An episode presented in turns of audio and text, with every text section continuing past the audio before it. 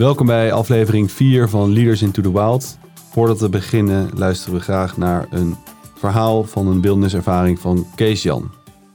Mijn eerste trail was in 2013 naar uh, Botswana. En ik had daar uh, op een gegeven moment uh, wacht s'nachts. En ik liep rond met mijn zaklantaarntje. En op een gegeven moment scheen mijn bundel op een, een, klein hoopje. En het duurde even voor ik door had wat het was. Terwijl ik daar rondliep in de donkere nacht. Dat was mijn eigen slaapzak en rugzak. En wat mij daarvan is bijgebleven is uh, dat wat een klein hoopje dat eigenlijk was. En dat het alles was wat ik nodig had voor die hele week. En dat ik ook helemaal niks tekort kwam. Dus dat is me echt bijgebleven. Hoe weinig we eigenlijk nodig hebben. Sindsdien heb ik nog uh, vele trails mogen doen. En een paar dingen uh, heeft het mij echt gebracht. Eentje is dat de natuur mij altijd oplaat en een enorme helderheid geeft. Tweede, de kwetsbaarheid van de natuur.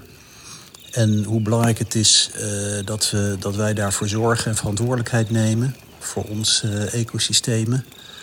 En het derde is hoe belangrijk het is dat wij onze echte levensverhalen met elkaar uitwisselen en op die manier elkaar helpen groeien.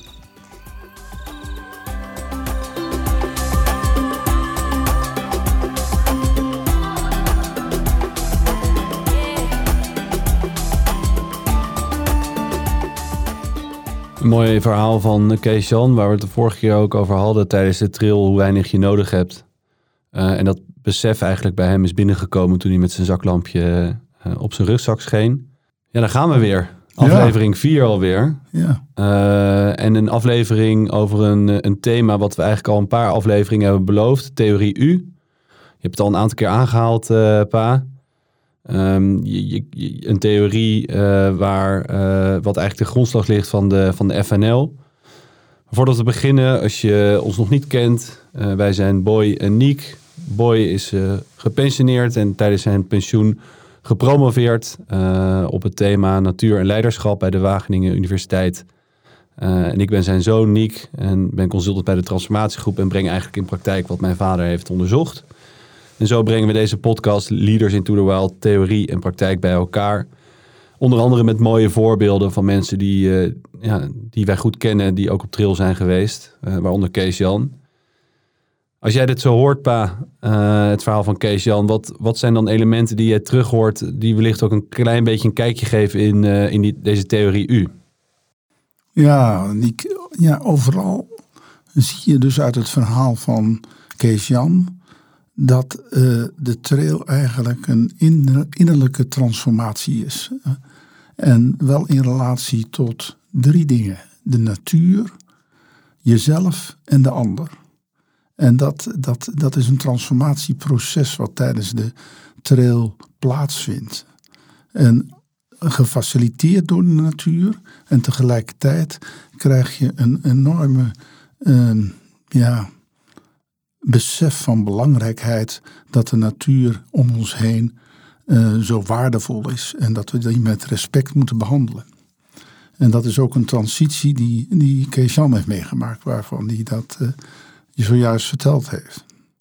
En dat proces wat daaronder zit, jij noemde het net al, uh, dat noemen we wel eens de, het U-proces. Het, het, het, het, ziet er ook uit als een U. Je, je begint ergens linksbovenaan en dan daal je af. En dan onderin in de U.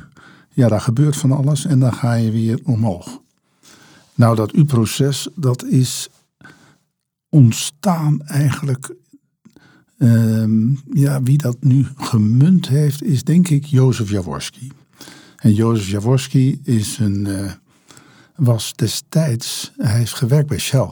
En daar zat hij op de afdeling uh, scenario planning en dergelijke. Maar uh, hij heeft ook veel wildernistochten gemaakt en daar een boek over geschreven. Wat zijn eigen ervaringen zijn in die wildernis en wat het met hem gedaan heeft. Dat boek heet Synchronicity. The Inner Path of Leadership. Daar heb je hem weer. The Inner path, of het innerlijke pad, het innerlijke transformatiepad van leiderschap. Maar dat is ook al een tijd geleden, want hij is inmiddels in de 80. 90. 90, weet je. Ja. Ja, 394 geloof ik al. ja. En eh, nou, hij geeft nog steeds wel lezingen. Natuurlijk gaat dat, eh, als je ouder wordt, wat trager. Dat merk je ook al bij mij. Maar het, het, het is een, eh, een ontzettende wijze man die eh, daar veel heel veel heeft gelezen. En, eh, en daar dat boek over heeft geschreven. Dat is in veel talen ook in vele oplagen en in veel talen verschenen. Een echte aanrader. Een, quote, een quote van hem die wij nog wel eens gebruiken is... je kan pas een ander leiden als je jezelf kan leiden. Precies. Hè, en, en dat is ook wat, wat hè, je kunt pas een verbinding maken met de ander als je eerst verbinding gemaakt hebt met jezelf, met je diepe zelf. Dus dat zijn allemaal kleine u-procesjes als het ware. En Jozef die is eh, toen in aanraking gekomen met Peter Senge en, en Otto Scharmer van MIT, Massachusetts Institute of Technology in Boston. En die hebben de theorie verder uitgewerkt. Die hebben er wat wetenschappelijke fundatie onder gebracht. En het is met name Otto Scharmer die toen in, dacht ik, in 2007 of 2004, dat weet ik niet meer, eh, het boek Theorie U heeft eh, geschreven. Een behoorlijk dik boek. Ja, 700 pagina's. en ik moet zeggen dat ik het in 2008 in de zomer in één ruk heb uitgelezen. Het boeide en fascineerde me wezenloos. Ik dacht van hier hebben we iets in handen dat, dat gaat de wereld over. En ik ben toen in, uh, in het najaar, in oktober, toen las ik dat er op MIT een, uh, ja, zo'n 14 dagen een course was in de Fundamentals of Theorie, gegeven door Otto Scharmer. En daar ben ik naartoe gegaan. En ik heb daar een fantastische week gehad en heel veel ja, geleerd over de, uh, het model, het gedachtegoed van Theorie U. En welke vraag beantwoord je eigenlijk met Theorie U? Gewoon heel kort, wat, wat zegt die theorie eigenlijk? Die theorie zegt eigenlijk dat je, dat je eigenlijk met al je zintuigen, al je zintuigen moet gebruiken. Hè, dus ook je bewustzijn moet gebruiken om een situatie of een probleem te doorgronden. En dan vanuit de stilte die dat uh, misschien wel oproept, het besef van ja, hier zit iets, dan de rust nemen om het idee, de oplossing, naar boven te laten komen. Dus je, je gaat, net als met een U, die linkerkant van U, je gaat de diepte in en je reflecteert.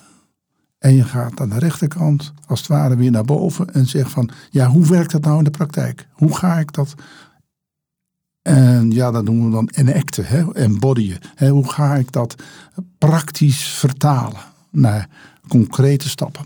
Ja, dus eigenlijk is het de, de, de antwoorden op, op de oplossingen van vandaag liggen niet in het verleden, wat je gewend bent, maar meer in de toekomst. Ja. En die toekomst die is onbekend. Dus die zou je op de manier zoals jij dat nu omschrijft ook uh, kunnen laten ontstaan of naar je toe laten komen. Ja, Otto Scharmer zegt ook, hè, als je leert alleen maar leert van het verleden, loop je de kans dat je je fouten gaat herhalen. En, en dat je blijft doormodderen. Maar het is het lef hebben om te leren van de toekomst terwijl die zich ontvouwt. Dus iedere keer weer een stapje durven maken in die toekomst en daar dan van leren. Een soort iteratieproces. Het is trial and error. Het is het lef hebben om in het onbekende te stappen. En daarvan te leren, terugkoppelingje en dan weer de volgende stap nemen. Maar goed, dan zitten we al een klein beetje in die rechterkant van de U. Ja, en dat is natuurlijk wel ontstaan vanuit de context dat de wereld ongelooflijk snel aan het veranderen is. Dat je nooit, uh, dat, je, dat, je, ja, dat je tegenwoordig niet meer komt met, uh, ik weet het al, ik, ik heb het al zo vaak gedaan, uh, dit doen we gewoon op deze manier. ik merk het ook in organisaties waar mensen wat hoger in de hiërarchie zitten, daar, daar, daar zit wat weerstand tegen, vooral als die op een stoel gaan zitten van kennis is macht. Ik heb dat in de eerste aflevering ook gezegd. Het gaat meer tot toegang tot kennis. En die toegang die moet je zelf creëren. En, en daar zegt die theorie eigenlijk Van in plaats van een oplossing bedenken met je hoofd, vanuit ervaring en kennis, dat je denkt van nou, ik, ik, dat los ik wel op, ga je meer van de werken vanuit je gevoel. Ja. En dat is precies wat jij zegt, uh, ja, dat vereist, vereist lef. Ja, vereist lef, maar ook openstellen. Ja. Kijk, want uh, als je helemaal boven aan die linkerkant van die U staat, van die linkerkant van die poot van de U, en dan komt dus een situatie, zeg maar een probleem, een issue, hè, een kwestie, komt op je af. Dan hebben we de neiging om uh, ja, patronen om te voorspellen wat de oplossing zal zijn. Dat doet het brein continu. Daar komen we nog wel eens een keer op terug. Die die, we, we bekijken de werkelijkheid niet van, van buiten naar binnen, maar het is eigenlijk van binnen naar buiten. We hebben een model van de wereld. En dan kijken we alleen maar, klopt het? We zijn het dan constant aan het testen. Aan het, aan het, het brein is een voortdurende machine van hypotheses. Van bekende uh, voorstellingen. En wat, we dus, wat dus een, een, een belangrijk punt is daarboven, is uh, in die linkerkant van de EU, dat we het besef nemen om uh, dat downloaden, zeg maar, hè, van, van nou ja, de geëikte oplossingen die in het verleden wel eens gedaan hebben, om dat even op te schorten. Hè, dat even terzijde te zeggen. En zeggen van, laat ik er nou eens met verse, frisse blik naar kijken. En, en me openstellen. Hè, dus in die eerste, dat is een belangrijke stap. Een hele belangrijke stap. En dan, in, en dan, dan gaan kijken, gaan zien dat is dus de fase seeing. dus dat in je opnemen met alles wat je in je hebt, met al je zintuigen. En dan, eh, ja, dat spreekt een intelligentie aan die heet open mind. Dus zonder oordeel kijken naar wat zich voordoet. Ja, en misschien wat meer in de context van het probleem zoals jij dat nu omschrijft. Dat kan een, een, een uitdaging zijn in je persoonlijke leven in je, of in je ontwikkeling. Maar het kan bij wijze van spreken ook een organisatorische uitdaging of een strategische uitdaging zijn. Ja, absoluut. En dat is natuurlijk ook wel eh, waar het om vanuit die MIT-jongens uh, bedacht is. Dat ze daarmee ook het iets, het is iets harder. Je kan het ook harder maken dan, dan, dan het zachte van persoonlijke ontwikkeling. Uh, waar, waar je ook veel meer je, je perspectief ook veel breder wordt als je zonder oordeel observeert en om je heen kijkt en je wellicht op manieren laat inspireren die wat meer in het onbekende liggen. Ja. dus, dus MIT, bij Peter Senji, die heeft er ook veel aan gewerkt. En die is bekend van de boeken van, van de lerende organisatie. En dit is dus eigenlijk een, een model van hoe kan een organisatie leren. Hij heeft er dus ook veel aan bijgedragen. En samen met Otto Scharmer ook het boek Presence geschreven. En uh, die daar ook over gaat.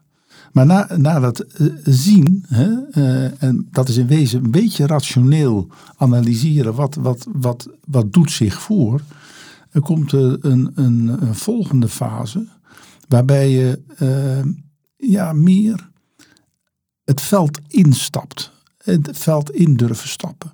Dus daar bedoel ik mee dat je gaat voelen hoe het zit. Het, het probleem doet zich voor en je gaat als het ware in het probleem zelf staan. Om het als het ware aan den lijve te ondervinden. Ik weet nog dat een verhaal van destijds van Paul toen hij bij Unilever zat. Dat hij uh, zijn marketingmanager of marketingmensen naar India stuurde. Om zelf te ervaren hoe het is in een arm gezin te zijn. En daar dan uh, wasmiddelen uh, nodig te hebben. En hoe, hoe, koop je dat dan? En hoe, dat gaf veel meer informatie. Hè, want het werd doorvoeld als het ware. Dan een dik marketingrapport van een een of ander bureau. Dus dat, dat, dat, dat is dus. En ik heb net even genoemd open mind. Maar dan kom je in een intelligentie die heet open hart. Je stelt je hart als het ware open voor de, voor de ander. Je kruipt in de schoenen van het probleem. Je kruipt in de schoenen van de ander die, het, uh, die de kwestie uh, aan de lijve ondervinden. En dat, ja, dat is een, een uh, belangrijke fase die vaak wordt overgeslagen. En ik heb geloof ik in de eerste afdeling gezegd van dan krijg je toch als een probleem niet wordt opgelost of slecht wordt opgelost, eh, dat ze dan zeggen: Ja, ik had er toen al niet zo'n goed gevoel bij. Omdat we vermeden hebben. eh, ja, gevoel vinden we eng of zo. Hè, daar, daar, daar wordt niet naar gekeken. eh, om dat toch aan te spreken. En toch is je, je te ver- durven te verplaatsen, te open te stellen naar de ander. En dat is iets wat ook in de trail gebeurt. Hè? Dus tijdens de trail ga je van alleen kijken, maar ga je ook invoelen. Je gaat op een gegeven moment zeggen van, hoe zou het zijn als ik een olifant was? Of hoe zou het zijn als ik die vogel was? eh, of die visarend die daar bovenop die top zit? Hoe, hoe zou de wereld eruit zien? Hoe, je kunt natuurlijk niet in het bewustzijn, als er al een bewustzijn is van, maar wel misschien van primair, eh, van, van die visarend kruipen. Maar toch, dat, hè, dus je de verplaatsen, dat empathische gevoel op eh, durven brengen om dat eh, te doen. Ja, dat sluit ook goed aan bij je voor, eh, het voorbeeld wat je de vorige aflevering vertelde over de gids die jou het antwoord gaf op een van de, zijn belangrijkste zintuigen. En dat is intuïtie. Ja, Eigenlijk ook gevoel, gut feeling. ja.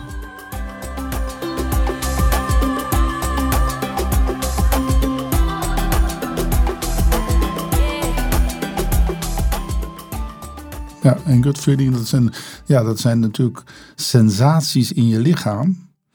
Eh, en, en, en die, eh, ja, die bewust worden.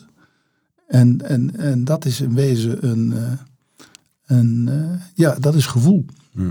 Hè, maar komen er een andere afdeling over dat wat ervaring is en wat bewustzijn is en dergelijke. En, er zijn boeken over volgeschreven, daar komen we in de volgende aflevering dan wel op terug.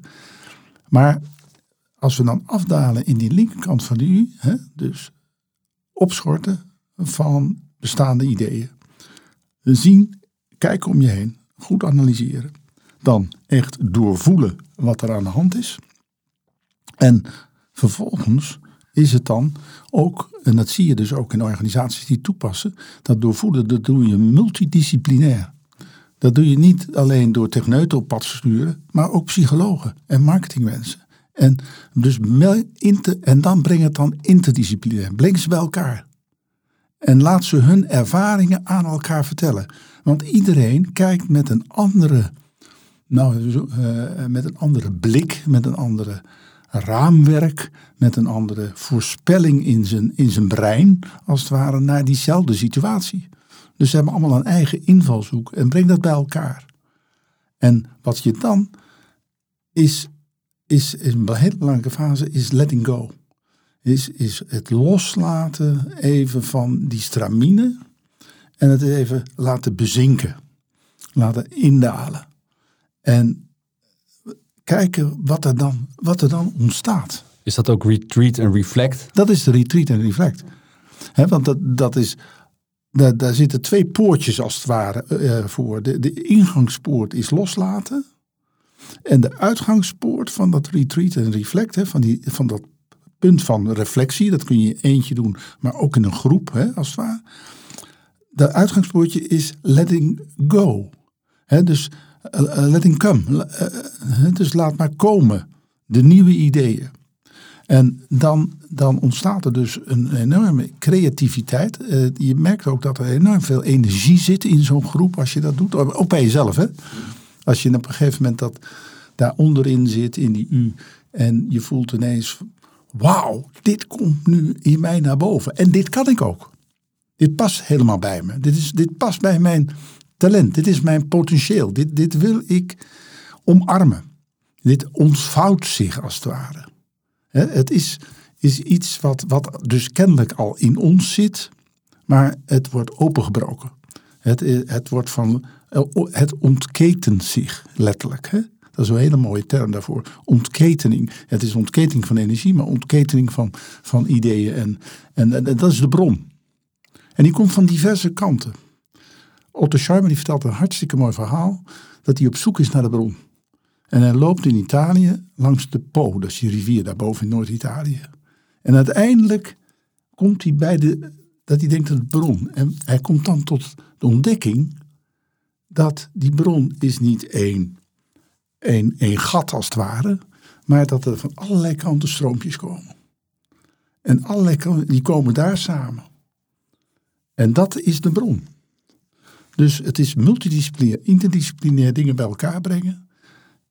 Die holding space waar we het al eerder over gehad hebben creëren. Dus die vertrouwensbasis dat iedereen durft te zeggen wat hij voelt en wat hij ten diepste, uh, waar diepst, ten diepste enthousiast van wordt.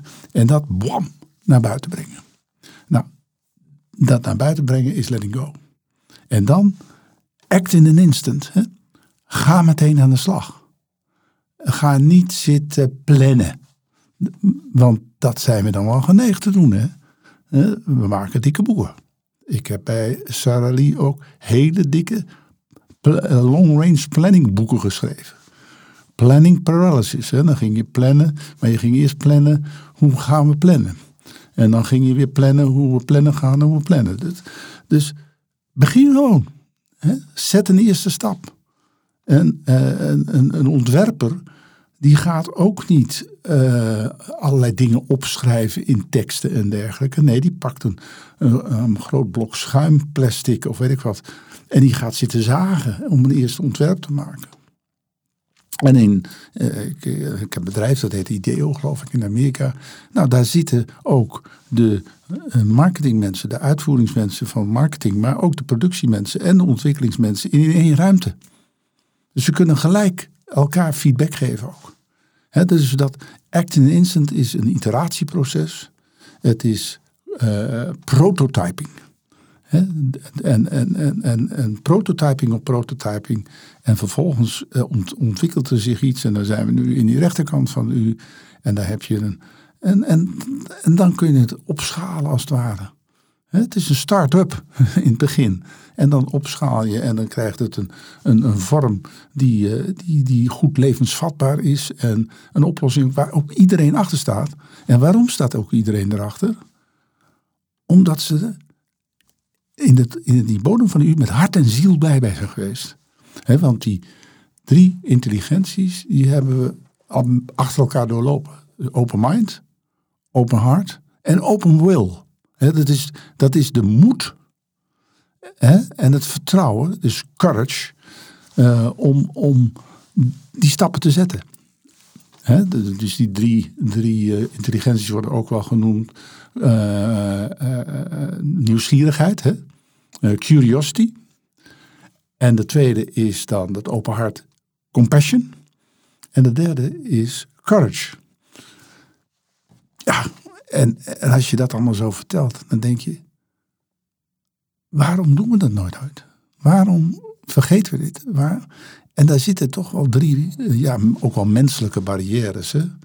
En dat is, dat is toch wel vaak de, ja, het oordeel, het oordelen, het willen oordelen. Het snel een oordeel klaar hebben. Van nou ja, dat hebben we al een keer eerder gedaan. Of uh, nou ja, kijk hij nou, hij moet zo nodig. Dat, dat, dat, dat oordelen, dat zit erin. Dat is een, een, een blokkade als het ware. En die moeten we slechten. En, en dan de, de, de stem van het cynisme. Voice, die zat, die zat er net ook al een beetje in wat ik zei.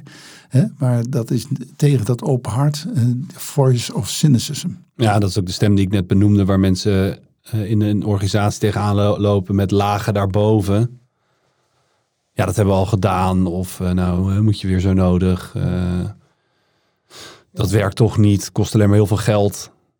Wat wil je er nou precies mee? Is het gebaseerd op data? Ik wil zeker weten dat het allemaal klopt tot de laatste punt in een komma. Ja, en, en, en, dan, die, en, en dan is daar onderin, hè, bedoel, dat is misschien wel het belangrijkste, dat is die moed hebben. En dat is de force of fear, de angst.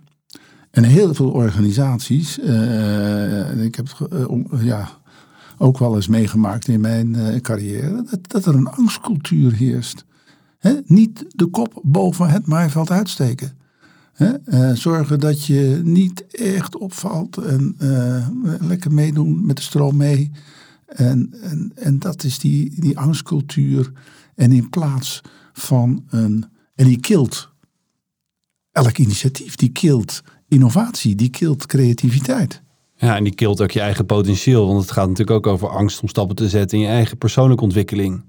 Of in je carrière. Precies, precies. Nee, weet je, dat, dat durf ik niet. Of mensen die vinden er wat van. Ja. Dus, dus ja, dat is in, in een nutshell die 700 pagina's van, van Otto. En uh, nou, ik, uh, hij komt wel eens in Nederland en uh, we kennen elkaar. Ik krijg altijd de bikke huk van hem. want ik ga er altijd al naartoe in zijn lezingen. Het is, het is toch een vent die heel bewogen is om die theorie als gedachtegoed. als, hij noemt het ook wel een social technology. Hè, het blijft natuurlijk een techneut van Tebetti. Om die in de wereld te brengen. En hij heeft er heel veel successen mee geboekt hoor bijvoorbeeld het hele gezondheidssysteem in Namibië is op basis van de U-theorie volledig te hand genomen en geherstructureerd, weer opnieuw opgezet. Uh, en en, en als er webinars er zijn, dan doen er tienduizenden mensen mee over de hele wereld. En die zijn er enthousiast over. Het, het is een, ja, een prachtige theorie. Theorie is, is natuurlijk een wetenschappelijke term. Ik zou ze meer zeggen een hele goede, heel goed gedachtegoed. Hè, waarbij uh, ja, toch dat durven stappen in het, het onbekende, uh, de innovatiekracht bevorderend en creativiteit. Uh, wat we zo hard nodig hebben in deze tijd. Zeker ook weer na corona. Hoe gaan we dit, deze crisis afsluiten en weer oppakken het leven. Nou, daar is theorie u fantastisch voor. Ja, en ik ben natuurlijk later in mijn uh, vrij jonge carrière tegen de theorie, aange theorie aangelopen. Ik wist dat jij er al een tijdje mee bezig was, maar nu wat meer praktiserend in mijn, uh, in mijn werk. Uh, met terugwerkende kracht heb ik zelf ook een, een U doorstaan als je, als je dat goed vindt, uh, wil ik dat graag delen. Nou, wie ben ik? nou, wat met, wat met binnen schiet, althans, het, wat, het schiet me niet te binnen. Dat is iets wat, wat ik al een tijdje mee, meedraag in mijn persoonlijke ontwikkeling. Is dat ik heb psychologie gestudeerd in Utrecht, omdat ik gewoon een enorm interesse heb in de mens. Maar ik wilde daar wel iets mee in het bedrijfsleven, want ik vind dat een gave wereld waar veel gebeurt, waar veel dynamiek is, waar ook heel veel mensen zijn. Dus ik ben mijn carrière eigenlijk begonnen bij een, uh, een groot Amerikaans bedrijf. Uh, nou, eigenlijk hetzelfde, uh, ongeveer het jonge broertje op waar jij, waar jij je carrière hebt, hebt doorstaan. Eigenlijk ook, ook, ook, in de voet, hè? Ja, ja, ja, ja precies. Chocola. En, chocola, ja, precies. En um, dus dat, dat, dat daar meer vanuit een idee van, goh jeetje, mijn, mijn, mijn omgeving gaat naar corporates en dat, dat, moet ik dan, dat moet ik dan ook doen. Overigens helemaal geen slechte keuze, want ik heb er ongelooflijk veel geleerd. Maar kwam er wel op een, op, een, op een afdeling terecht waar ik niet voelde dat ik daar heel erg op mijn, op mijn plek zat. Het was de salesafdeling, waar ik voornamelijk bezig was met spreadsheets. En eigenlijk gaandeweg erachter kwam dat ik veel meer interesse had in, een, ja, in de mensen, in de cultuur, in, het, in, in, de, in de teamdynamiek, in het leiderschap. Dus dat zat er toen, uh, ja, daar kwam dat eigenlijk al heel erg naar boven. Maar die stap om daadwerkelijk daar iets mee te doen, die durfde ik niet te zetten. En wellicht onbewust uh, heb ik die context of die omgeving wel voor mijzelf gecreëerd. Uh, door een, een, aantal weken vrijwilligerswerk te gaan doen in Ghana. Waar de grootste, Ghana is het grootste cacao producerende land. er werd een sustainability project opgericht vanuit het bedrijf waar ik werkte. En ik wilde heel graag daar zien wat daar gebeurde. Nou, vanuit het bedrijf werd gezegd, ja, dat mogen alleen de, de top executives wereldwijd mogen daar in een speciaal klasje een jaar, één keer per jaar naartoe. Dus ik verwacht niet dat jij daar wordt, voor wordt uitgenodigd. Toen zei ik van, nou, dan ga ik er zelf wel heen als vrijwilliger. Ook een beetje vanuit die behoefte om, om, om even een ander perspectief op te zoeken. Long story short, ik zat daar midden in, in Ghana, ver weg van alles en iedereen, afgesloten van de de westerse wereld zoals, die, die uh, zoals we die kennen. Bij een cacaoboer in het donker. Uh, omdat s'avonds, het is om half zes, zes uur, is het in één keer hartstikke donker. En energie kost, kost geld. Dus er wordt een klein vuurtje aangehouden in het midden van, het, van, van de boerderij. Om, om, om s'avonds nog wat, wat water warm te houden. Um, en op die manier was ik, ik heb een boekje volgeschreven voelde ik me compleet ontheemd eigenlijk. Uh, het voelde heel on, on, onprettig, maar ook wel heel bevrijdend. En wat ik daar heb ervaren is dat ik echt door bewust of onbewust zo'n afstand te nemen van alle verwachtingen die ik voelde, de druk die ik voelde vanuit eh, mijn omgeving, eh, vanuit mijn eh, ja, vanuit mezelf wellicht om, om iets neer te zetten, om een carrière te starten, voelde ik in mezelf een, een bepaalde rust vinden. Voornamelijk omdat ik daar met een, de vrouw van de cacaoboer zat, die mij op een gegeven moment een hele bijzondere vraag stelde. En die zei, wie ben jij eigenlijk? En dan ben je niet, ga je niet jezelf uitleggen met ik ben Niek en ik uh, ben daar opgegroeid en ik woon daar en ik werk daar. Maar je vertelt eigenlijk wie je bent in je, in je karakter. Wie je bent als persoon, wat je bent voor een ander. Wie je bent voor een ander. En langzamerhand kwamen die termen eigenlijk naar boven. En dat is ook wat ze naar, aan mij vroeg. Wat heel gek was, want ik verwachtte eigenlijk dat ze heel veel wilde weten over de wereld waar ik leefde. Maar het ging niet om, om, om mijn omgeving, om mijn, het materiaal, eh, misschien meer het materiaal, maar meer om de persoon. En dat inzicht heeft me toen heel erg gebracht bij dat ik dacht van jeetje, ik wil eigenlijk meer mijn persoon en wie ik ben meenemen naar huis. En die ook gebruiken of die toevoegen aan een, een, een, volgende stap in mijn, in mijn werkzame leven. Ik wil, dat, ik wil die persoon wil ik naar mijn werk toe brengen. Ehm, en dat was ja, eigenlijk eh, een context, een omgeving zoals wij die in de trail automatisch opzoeken. Maar ik heb die eigenlijk een beetje onbewust gekregen. Door me af te sluiten van, van buitenaf, door in de natuur te zitten, door bijzondere vragen te krijgen door ook een stem van, van oordeel naar mezelf, uh, een stem van angst, eigenlijk, die werd een stuk kleiner. Een stem van cynisme, wat, eigenlijk niet, wat er eigenlijk niet was. Om terug te gaan weer naar Nederland en uh, te besluiten om uh, een andere richting te kiezen in mijn, in mijn, in mijn carrière. Wat zich de afgelopen vijf jaar, vijf en een half jaar ongelooflijk goed heeft uitgepakt. Terugwerkende kracht, echt een u doorstaan. en een innerlijke bron gevonden van, van, uh, van wijsheid die, uh, die ik nog steeds bij me draag. En dat, uh, en dat is iets wat, wat, wat ik, wat ik, ik heel, dan ook heel goed begrijpen, kan begrijpen van mensen die op trail zijn geweest. Dat je die bron van wijsheid af en toe weer kan terugvinden in jezelf. En voor mij is dat het kampvuurtje in het donker in, in Ghana bij die bijzondere vrouw, wat men, die mij mijn African mama noemde. Ehm, maar soms ga ik daar wel echt nog naartoe. naartoe. Uh, wat, en wat me heel erg veel uh, ja, rust en, uh, en, en bezinning en kracht geeft.